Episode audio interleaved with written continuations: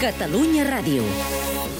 El govern manté el 9-N. Diu que no es pot prohibir. Bona tarda a tothom. Són les 7.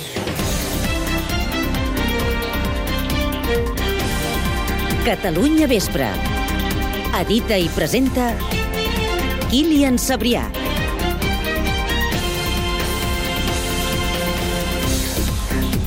no, no, no es pot prohibir allò que no es fa.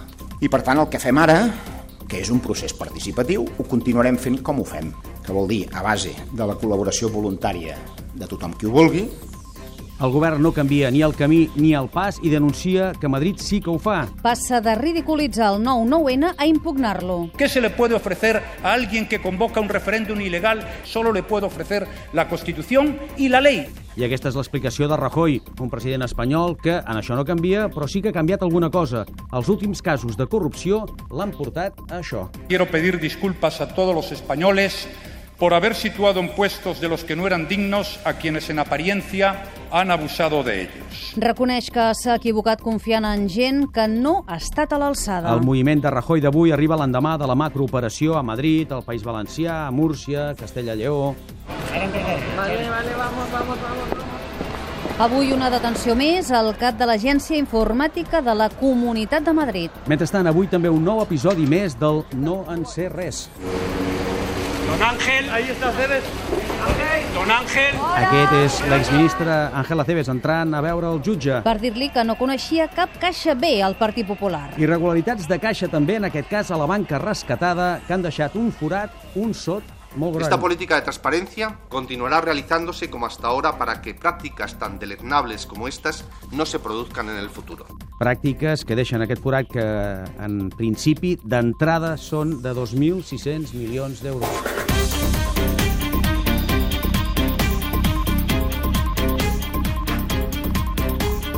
I mentrestant, avui hem sentit com tot un president de la patronal elèctrica rebaixa l'efecte de l'anomenada pobresa energètica. ¿Por qué no se habla de pobreza alimentaria o alimenticia, no sé cómo se dice? De pobreza de vestir, de pobreza, la pobreza energética probablemente no sea la más acuciante. Doncs feina hi haurà per lluitar contra les pobreses, així en plural, ja com ho diu ell, perquè resulta que als països rics hi ha cada cop més pobres. Ja l'estat espanyol ha provocat que les famílies hagin fet un gran salt, però enrere. 10 anys enrere, com a mínim. Una mica més enrere encara hem d'arribar per descobrir la transcendència d'una imatge d'avui. Per exemple, el 23 de maig del 1992, mig quilo d'explosius esclaten al pas del cotxe... Una mica més, 1.000 quilos, em sembla. Mil quilos Mil d'explosius esclaten al pas del cotxe que du el jutge antimàfia Giovanni Falcone, prop de Palerm. I el fan Murici. Era el desafiament de la cosa nostra, de la màfia, a l'estat italià en forma d'atemptats, n'hi van haver molts. Després es van aturar i sempre ha quedat el dubte de si va haver un pacte.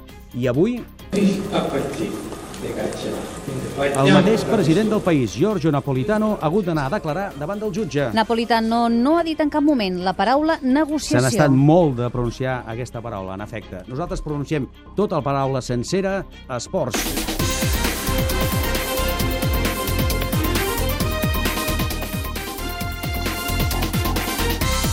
Avui els esports, des de, no des d'aquí la redacció, Òscar Fernández, bona tarda. Bona tarda, Kilian. Des de Cornellà. Des del centre comercial Esplau, a uns 200 metres d'on d'aquí a 24 hores mal comptades el Cornellà té el partit més, més important de la seva història. Juga l'anada de l'eliminatòria de la Copa del Rei contra el Madrid. Viurem la prèvia d'aquest partit del Cornellà, que juga demà. També, òbviament, la gran notícia del dia en l'àmbit esportiu, com és la decisió del jutge de no acceptar la demanda per eh, responsabilitat contra la Junta de Joan Laporta al Barça i, per tant, per donar, entre cometes, a Joan Laporta i els seus directius. Valorarem tot plegat i també eh, parlarem amb algun dels eh, acusats que avui han estat, entre cometes, perdonats pel jutge. Per tant, del Cornellà, des del centre comercial Esplau i també d'aquesta prèvia i aquesta decisió del jutge en parlarem a Catalunya Vespre Esport.